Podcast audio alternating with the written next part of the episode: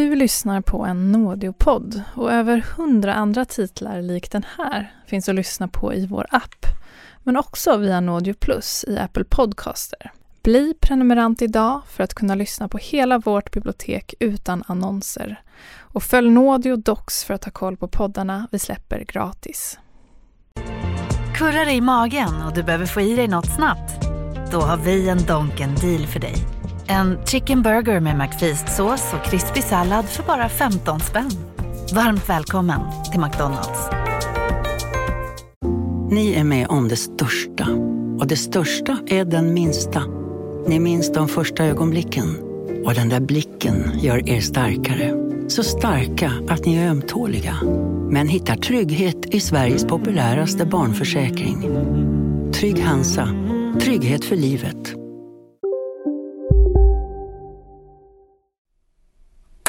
Nu är det jag som är upphetsad. Det är du som ska vara upphetsad och glad.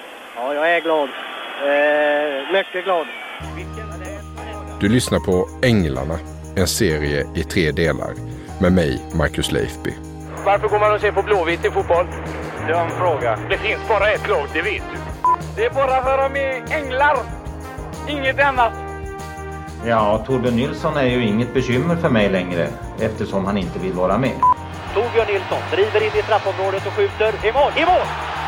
Det visste du. Ja, det. Del 2. Världens bästa rörmokare. Snart är väl allt elektroniskt. Snart finns det väl elektroniska människor också. Ja, såna där robotar.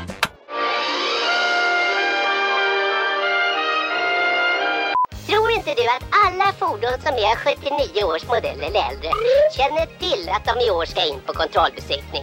Välkomna för nya erotiska krafttag. Investeringarna sprang omkring som ystra kalvar på konstgjord grönbete. Det här är Håkan Sandberg från Örebro som verkade trivas riktigt bra i sin nya miljö. Landslagsbacken Stig Fredriksson, före detta Västerås, och målvakten Thomas Wernersson ägnade sig mest åt snabbhets och smidighetsträning. Blåvitt slutar trea i Allsvenskan 1980 och ska få spela Uefa-cupen. En turnering inget svenskt lag någonsin varit i närheten av att vinna. Och när IFK Göteborg inleder sin försäsongsträning 1981 har Svennis fått de tre ystra kalvarna han bett om. Och det mesta går enligt plan.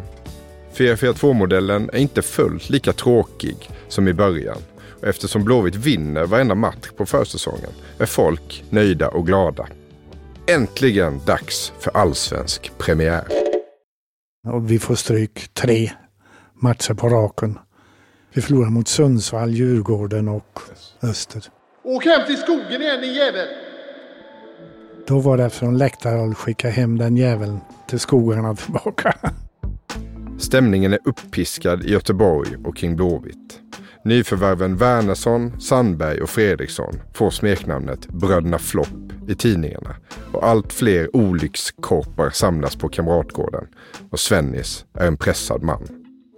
Det är klart att man går inte opåverkad genom något sånt här. Det gör man inte och det är jobbigt. Det är jobbiga veckor mellan matcherna. Han är faktiskt så pressad att han inte ser något annat alternativ än att fråga spelarna om de vill att han ska lämna Göteborg och dra till skogs igen. Så jag ställde min plats till förfogande där efter tredje förlusten. Dels på träning inför alla spelare. Och jag bad att Conny, som var lagkapten, skulle gå igenom det och ge mig ett svar imorgon. Och samma sak gjorde jag med styrelsen. Lagkapten Conny Karlsson samlar spelarna i omklädningsrummet. Utanför smyger journalisterna omkring och det är lätt att föreställa sig kaoset där inne när en hel spelartrupp nu ska enas om de ska ha kvar sin tränare eller skicka honom på första bästa tåg till Värmland. Vi, vi reagerar inte ens på det. Så det är ju löjligt det här. Det, det är klart att det vänder snart. Så vi hade, vi hade ju aldrig accepterat om styrelsen hade sparkat honom. Nej, varken Torbjörn Nilsson eller Ruben Svensson vill göra sig av med Svennis. Alla, alla. Nej, det är inte dig det är fel på. Det är oss det är fel på. Det är vi som har varit dåliga. Det är inte ditt eller ditt spelsystem som gör att du ska sluta utan vi har fullt förtroende för dig. Kör på ett tag till. Så jag gick, när jag åkte hem tänkte jag ett tag till. Det till helgen det, eller vad är det?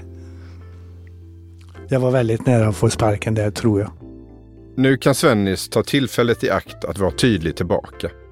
En av de som får sina fiskar varma är nyförvärvet Thomas Wernersson som kommit från Åtvidaberg. Då ska jag tala om vad som är problemet, sa. Att här har jag Sveriges 20 bästa fotbollsspelare. Ni har ett problem, sa han. Och det är att ni vet om det och tror att den andra ska göra jobbet. Svennis blir kvar. Men en tränare som varit så nära att bli av med jobbet är väl förstås beredd att göra vilka ändringar som helst för att laget ska börja vinna igen. Spelarna trodde nog att vi skulle börja med något nytt. Men det gjorde vi inte. Det var 4-4-2. Pang på det igen. Vi stannar till en sekund, stannar historien. För den här vårdagen på Kamratgården kunde sagan om Sven-Göran Eriksson och IFK Göteborg varit all. Det hade kanske inte ens blivit en saga, utan bara en parentes som de inblandade knappt hade kommit ihåg idag. Sven-Göran Erikssons tränarkarriär hade kunnat stanna vid Sven-Erik Göransson, champagnefotbollens bödel. Och kanske hade istället hans hjälptränare Gunder Bengtsson blivit första utländske förbundskapten för England. Tänk på det en liten stund. Och tänk klart? Bra. För under samma vår kunde också sagan om Thomas Wernersson tagit slut. Eller rättare sagt brunnit ner. För det är ytterligare en sak med det här Blåvitt-laget som är fängslande. När Blåvitt ger sig ut på klubbens största, längsta och på många vis också skumpigaste Europa-äventyr någonsin måste alla spelare först be sin riktiga chef om ledigt. Alla spelare arbetar och spelar fotboll vid sidan om. Mittbacken Glenn Hysén till exempel. Han har läst elektrisk linje på gymnasiet och försörjer sig på, eller ska vi säga försöker sig på, jobbet som elektriker. Han är inte sen att hjälpa en lagkamrat i nöd.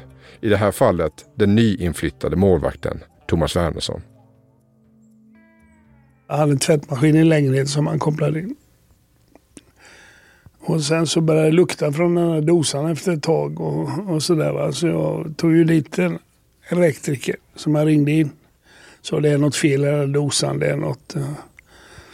Så öppnade han dosan, tittade in och sa oj, oj, oj, oj, oj. det är tur inte det har börjat brinna här, sa han. Till Svenska Elektrikerförbundet, Göteborgs brandförsvar, alla lagkamrater och Blåvitt-supportarnas stora lättnad hamnar Glenn Hyséns karriär som elmontör i skuggan av den som fotbollsspelare. Idag är det förstås otänkbart att högsta divisionens fotbollsspelare också har ett vanligt jobb. Men det är så här det fungerar i IFK Göteborg och svensk fotboll i början av 80-talet. Jag var fritidsledare ute i Frölunda. Även Stig Fredriksson och Ruben Svensson jobbar som fritidsledare.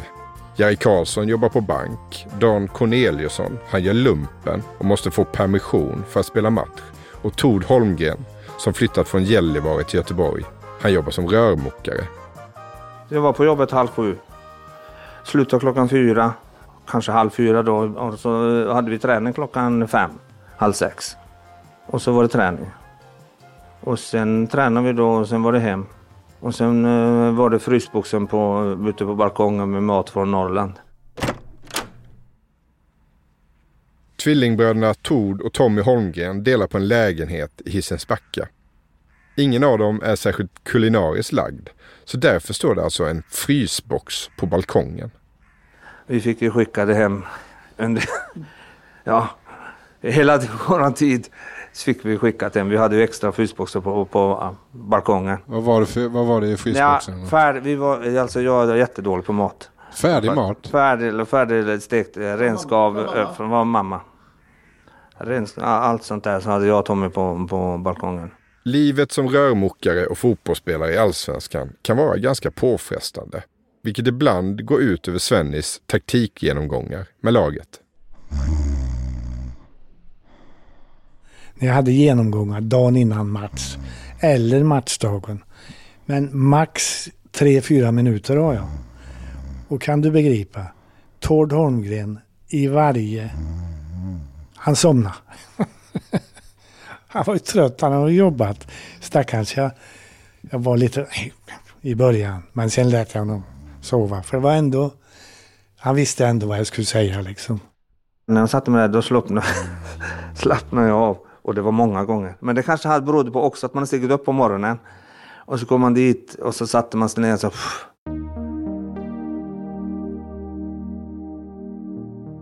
I början av 80-talet är det bara en spelare i laget som spelar fotboll som professionell i IFK Göteborg. Visserligen mot sin vilja och det är Torbjörn Nilsson. 1976 lämnar Torbjörn Blåvitt för proffsspel i PSV Eindhoven och en bit in på säsongen åker TV-sportens Kjell Andersson till Nederländerna för att träffa den ystra svenska proffskalven i sin nya klubb. Tror han. Men istället för att möta en sprittande och självförtroendesvälld pöjk i PSVs anfall finner han en blek och ängslig Torbjörn Nilsson på bänken. Och där vill han helst sitta kvar så länge det bara går. Jag känner själv att jag inte behärskar att spela just nu. Jag är rädd för bollen. Så jag är lycklig att sitta på bänken. Är det självförtroende som saknas då? Ja, det försvinner. eh, Så fort man inte är vän med bollen så försvinner självförtroendet. Du blir rädd och nervös Ja. inför matcherna. Vågar inte ta till sig bollen, man eh, vågar inte möta den. Så det... Jag trivs där jag sitter nu. I alla fall den här säsongen. Det är inte ofta man hör ett ungt svenskt fotbollsproffs uttrycka tacksamhet över att han får sitta på bänken. En gång har jag hört det och det var nu precis. Vanligare är ju då att man hör om ett ungt svenskt fotbollsproffs som kanske köpt en gul Porsche. Och det är precis vad Torbjörn Nilsson gör för att försöka boosta sitt självförtroende. Men hemlängtan, den blir till slut för stark. Du går inte här i Eindhoven nu och längtar hem till Göteborg? Nej, det är klart jag rycker i benen ibland när man inte får spela och läser om killarna hemma. Men eh, får hoppas det blir bättre i framtiden så det, man får spela här också. Hemlängtan blir till slut för stor och Torbjörn flyttar hem till Göteborg igen efter bara en säsong i PSV. När Sven-Göran Eriksson sen tar över Blåvitt och inte bara flyttar runt sina spelare och instruerar dem i hur 4-4-2 fotboll ska spelas utan ibland också låter dem spela lite fotboll på träningarna märker han snart att Torbjörn har en enorm potential. Det är en spelare som kan göra i stort sett vad han vill med vem han vill på en fotbollsplan. Ja, i alla fall på träning. Men en otrolig talang.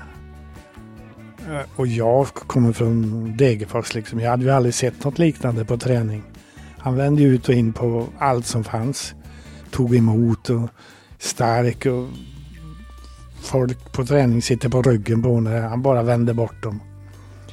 Och så kom det till matcher. Så han fick inte ut hälften av det han kunde.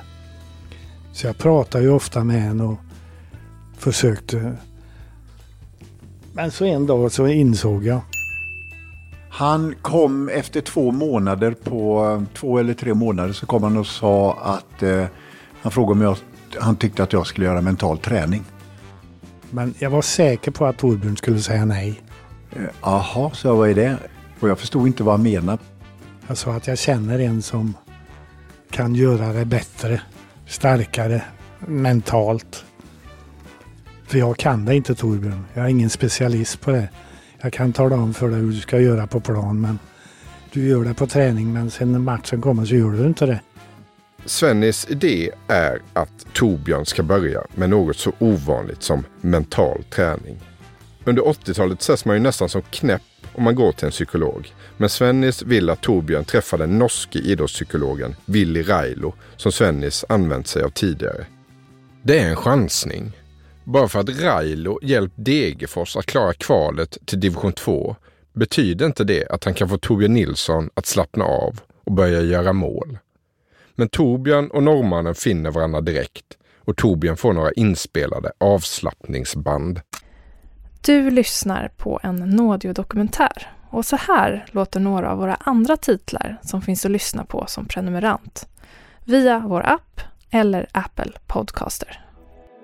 En vacker försommardag 1960 hittas tre ungdomar döda vid en vykårsvacker sjö i södra Finland. Det här är historien om plastikkirurgen Karl-Åke Troilius uppgång och fall. Ormen Friske flydde bombningen vid Helgoland. En bit ut eh, på en strand så hittar han en kropp. Bli prenumerant så kan du lyssna i timmar helt utan reklam. Nu på Storytel. Första delen i en ny spänningsserie. En liten flicka hittas ensam i en lägenhet. Hennes mamma är spårlöst försvunnen. Flickans pappa misstänks för brottet men släpps fri trots att allt tyder på att han är skyldig. Olivia Oldenheim på åklagarkammaren vägrar acceptera det och kommer farligt nära gränsen för vad hon i lagens namn tillåts göra. Lyssna på När allt är över av Charlotte Al-Khalili på Storytel. Hej, Susanne Axel här. När du gör som jag och listar dig på en av Krys vårdcentraler får du en fast läkarkontakt som kan din sjukdomshistoria. Du får träffa erfarna specialister, tillgång till lättakuten och så kan du chatta med vårdpersonalen. Så gör ditt viktigaste val idag, lista dig hos Kry.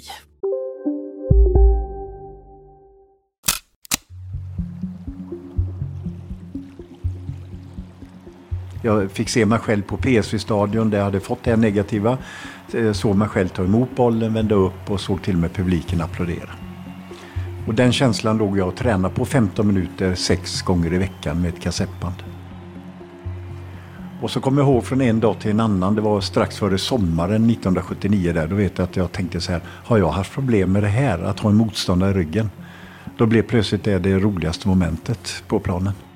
Med hjälp av kassettbanden lyckas Blåvitt-anfallaren slita sig loss från PSV Eindhoven-demonerna som hållit honom i ett fast grepp sedan proffstiden. Den mentala träningen, mental training som Svennis kallar den, får en oerhörd effekt. All den talang, teknik, känsla och kraft som legat nedtryckt i Torbjörn Nilssons förtjusande lår släpps lös och han gör i princip vad han vill på planen. 1981 vinner han den allsvenska skytteligan överlägset. Det är egentligen bara en sak som stör honom. Ja, man ser en, eh, en hel dag så kanske jag tränar tre timmar och då eh, jag anser att jag kan utnyttja dagen mycket bättre genom att kanske få ett jobb. Då var varje träning precis som att det var en VM-final. För jag är ju proffs. Jag, eh, och då, allting var så uppbyggt med maten och allting sånt där så att det blev nästan för seriöst för mig. Och då hade jag för höga förväntningar på hur det skulle gå och gick det dåligt då så, så var man missnöjd. Jag hade slarvat i skolan, jag eh, visste inte vad jag ville bli, jag kunde ingenting mer än att sparka fotboll i princip. Så då eh, stod jag där och försökte knacka på Anders Bähmars dörr, kan du ordna ett jobb till mig? Jag, jag, det här går inte, jag, jag måste känna att jag betyder någonting. Lika sällan som man hör ett svenskt fotbollsproffs uttrycka tacksamhet över att sitta på bänken, lika sällan hör man någon längta efter ett vanligt arbete. Tack och lov får Torbjörn Nilsson, Sveriges bästa fotbollsspelare, ett jobb till slut. Han blir motionskonsulent på SKF och tränar med skiftarbetarna på fabriken. Antingen efter avslutat pass eller innan arbetarna ska gå på. 1981 öser han in mål både i allsvenskan och i Europaspelet. Och allt är frid och fröjd igen i IFK Göteborg och i svensk fotboll. Sedan slår han till ytterligare en gång.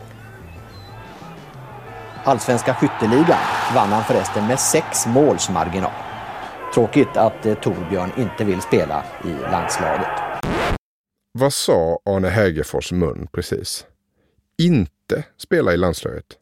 Spelar inte Torbjörn Nilsson i landslaget? Han öser in mål i Uefa-cupen när Blåvitt tar sig förbi finska Haka, österrikiska Sturm Graz och rumänska Dinamo Bukarest. Laget finner sig plötsligt i kvartsfinal mot spanska Valencia. Och även om det nu äntligen har lossnat under Svennis ledning så är det raka motsatsen i landslaget. För ni kommer väl ihåg systemstriden? Där görs det inget eldupphör och det går till och med så långt att förbundskapten Lars Laban Arnesson nu vägrar ta ut vissa spelare som i klubblaget spelar 4-4-2. Han vill ju inte använda helst spelare från Malmö och Blåvitt. Men några tog han med, men så blandade han det med österspelare. Och så skulle vi spela det här konstiga med mittfältsliv och vi höll på med, med att mäta konditionen med 3000 meters lopp och sådana här saker. Så att det, det, det, det kändes inte bra med, med, att vara i landslaget på, på något sätt. För det var oharmoni på plan. Vill ni höra hur oharmoni låter i landslaget tidigt på 80-talet? Det är klart att ni vill, era 80-tals landslagsfotbollssadister. Torbjörn är ju väldigt ojämn spelare och han är ju ojämn även i klubblaget. Men det beror på honom själv det här. Det är, idrottsmän måste klara sig själva i den här situationen. Det är ju de här två olika systemen som vi spelar i Sverige. Att jag är van vid det ena och de mittfältare som finns i landslaget är van vid det andra och det, det är ju inte mycket att göra åt. Torbjörn Nilsson har tackat nej till landslagsspel. Du får motivera varför. Nej, jag anser väl att det tar för mycket tid just nu.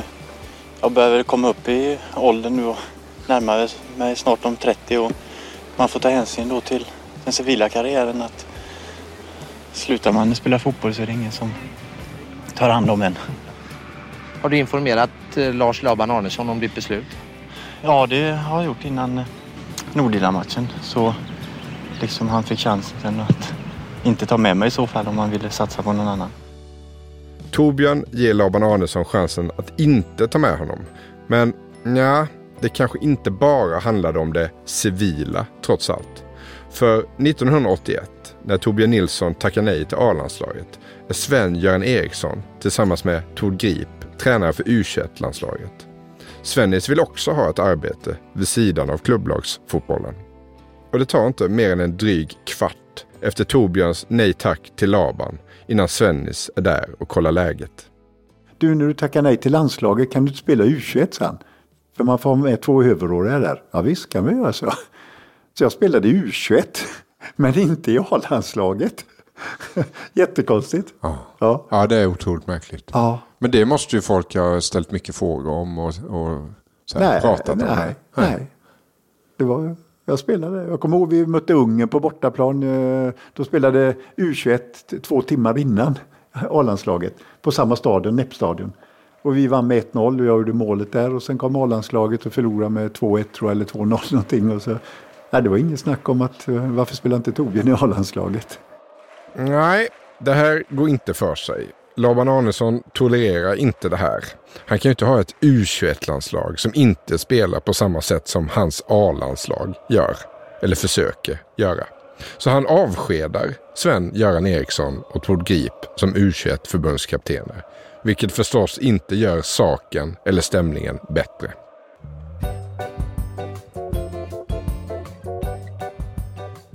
Och vi fotografer vi sprang ju där uppe eh, jätteofta och eh, hjälpte och de fick bilder. och Kamratgården var ju en öppen dörr. Man kunde ju komma dit och kände allihop gjorde man ju. Det här är Tommy Holl. Han började jobba som fotograf på Göteborgstidningen, mer känd som GT, 1976. Var och varannan vecka har han i uppdrag att bevaka Blåvitt och i början av 80-talet har det skapats en särskild sorts atmosfär kring Kamratgården där IFK Göteborg tränar. Kom man lite sent så kunde killarna stå och vråla så här, kommer du först nu? Och eh, det, det gjorde ju att eh, det blir ju familjärt på ett helt annat sätt. Vi var ju, vi var ju och gjorde jobb på där killarna jobbar. Som Tord Holmgren på Rörpojkarna och eh, skulle ligga i stora rör och titta ut. Och, och du vet, det var ju den ena, att vi skulle överträffa varandra hela tiden. I omklädningsrummet på Kamratgården finns ett takfönster men eh, nej, det hjälper inte mycket mot lukten eftersom träningskläderna läggs i en påse och skickas till tvätt då och då. Mitt i rummet står en massagebänk där lagets sjukgymnast Dale Reese försöker lösa de värsta muskelknutarna. Om de kommer från den senaste matchen mot Öster, borta, eller från dagens jobb som rörmokare, borta, är det ingen som vet säkert. Vad man däremot vet är att ingen går säker. Vem som helst i det här omklädningsrummet kan när som helst dra på sig ett par kalsonger som en sax förvandlat till trasor. Chokladbollar göms i nya lackskor och ingen märker något förrän foten tryckts ner i skon med full kraft. Kamratgården är upptågens högborg och det är inte bara spelarna som måste vara på sin vakt. På ett träningsläger i Portugal upptäcker fotografen Tommy Holl och hans kollegor till sin förskräckelse att kamerorna är försvunna. Tjuven heter Glenn Hussein. Fan, vi hittade dem inte. De var helt väck.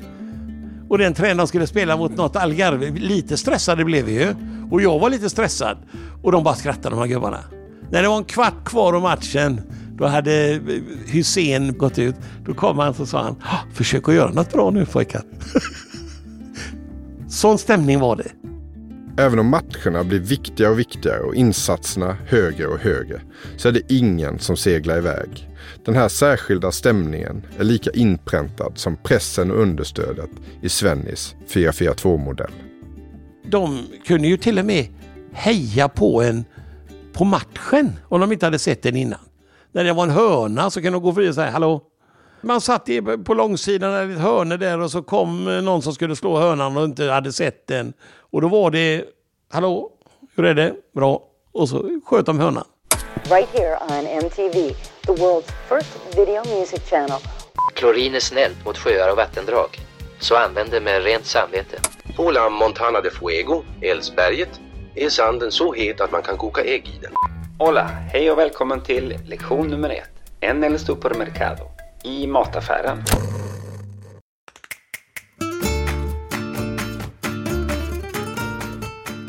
Inför kvartsfinalen mot storlaget Valencia åker Blåvitt på träningsläger i England. Torbjörn Nilsson gör mål i träningsmatcherna mot Crystal Palace och Southampton. Och när Svennis sträcker fram näven för att tacka för god match flyger Southamptons tränare på honom. Hur mycket ska du ha? Vad menar du? Vad är priset på Torbjörn? Han vill köpa honom direkt alltså. Helvete vilken spelare. Men nu när äntligen spelet fungerar och laget vinner det mesta, då knakar det istället på annat håll i Blåvitt. Det är lite oklart hur, men pengarna är slut. Stjärnvävningarna på 70-talet har kostat en bra slant. Publiken har inte kommit till samma horder som förr. Och bara en vecka innan kvartsfinalen i Valencia så avgår styrelsen på årsmötet. För att Blåvitt överhuvudtaget ska ha råd att ta sig från England till Spanien så måste klubbdirektören Anders Bernmar be IFK storsponsor SKF om mer pengar. Lånet beviljas och klubbens kamrer åker upp och hämtar pengarna kontant. Blåvitt kan sedan ta sig till värmen i Valencia för att genomföra förberedande träningar. Givetvis helt i bar överkropp. Blå himmel, strålande sol och cirka 20 grader varmt. Målvakten Wernersson är skadad och ett osäkert kort. Och förutom skador så har styrelsens avgång hemma i Göteborg skakat om laget. Helt klart, det, det är alltså en olustig känsla att sånt här ska inträffa och det, det är jobbigt. Personligen så känner jag väldigt olust inför det. Det har påverkat dig? Ja, man mår ju inte bra av sånt här, tycker jag. Det... I Valencia undrar man förstås varför inte IFK Göteborgs styrelse har kommit. Men klubbdirektören Anders Bernmar finns i alla fall på plats. Liksom fotbollsordföranden Ove Kindvall som nu dessutom fått rycka in som extra målvakt på träningspassen. Och på den tiden så var det ju ledarmiddag kvällen innan match. Alltid va. Där presidenten och styrelsen och tränaren ofta med också då. Det var önskemål. Vi berättar ju aldrig att styrelsen har avgått och sådär. Till den traditionella, lite flotta middagen med Valencias klubbledning får Blåvitt skrapa ihop det som finns. Bosse Rudenmark från Kvällsposten, han kan spanska så han får följa med. precis som Ove Kindvall och Anders Bernmark men det behövs ju en vice ordförande också. Det är bra att ni skriver tydligt och klart när ni skickar in här också. Ja. Jag söker Ingegerd Ragnarsson. Ja, vem fan är du då? I Valencia finns också lokalradioreportern Leif Loket Olsson på plats för att referera matchen. Loket får gå på middag som klubbens vice ordförande och ryktet säger att Loket fick låna en kavaj för att vara presentabel. Men att han också struttade dit i vanliga träskor.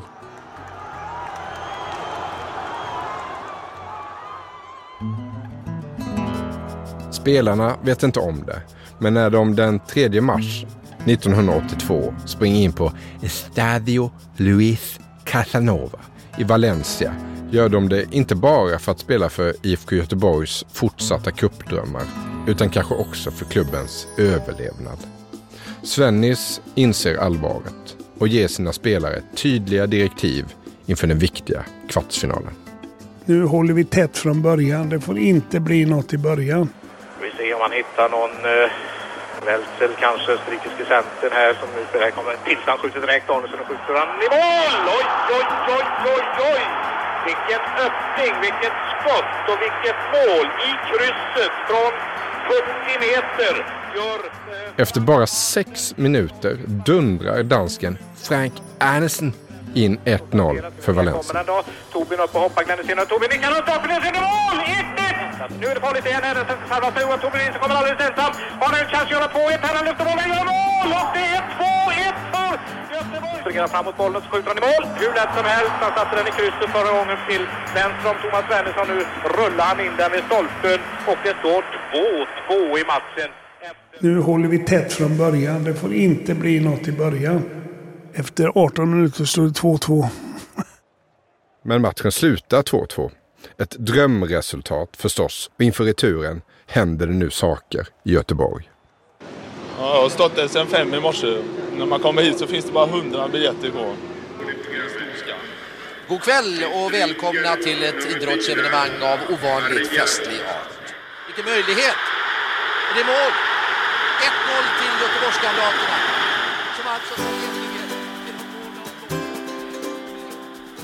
Tommy Holmgren ger Göteborg ledningen redan efter fyra minuter och sen är det inget snack.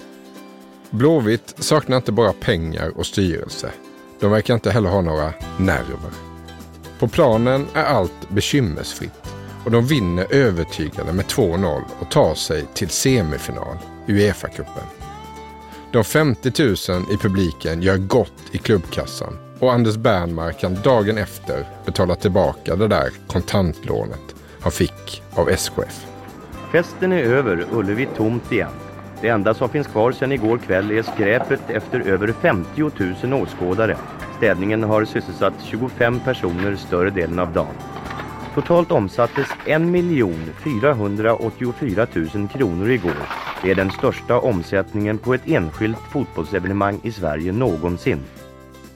Hemmamatchen mot Valencia räddar bokstavligen klubben från en katastrof. I målet har Wernersson inte bara överlevt Glenn Hyséns elinstallationer. Han har även stoppat storlaget Valencia med en fraktur i handen. Trots att spelarna är så trötta efter jobbet att rörmokaren Tord Holmgren sitter och sover under taktikgenomgångarna och trots Torbjörn Nilssons hjärnspöken är Blåvitt nu framme i semifinal i Uefa-cupen. Och frågan är inte längre vilket lag som ska kunna stoppa de knegande amatörerna från Göteborg. Utan om det överhuvudtaget går.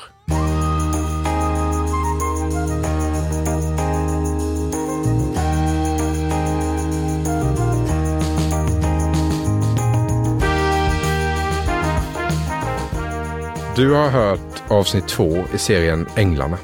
Alla avsnitt finns att lyssna på redan nu i appen Nordio. Producent var Robin Jonsson. Exekutiv producent var Johanna Gavelin. Research gjordes av Marve Alner och Mats Egerholm. Tekniker var Fredrik Nilsson. Arkivklippen kommer från SVT och Sveriges Radio. Änglarna är en produktion av Tredje Statsmakten Media för Nordio. Och jag som har gjort programmet heter Marcus Leifby.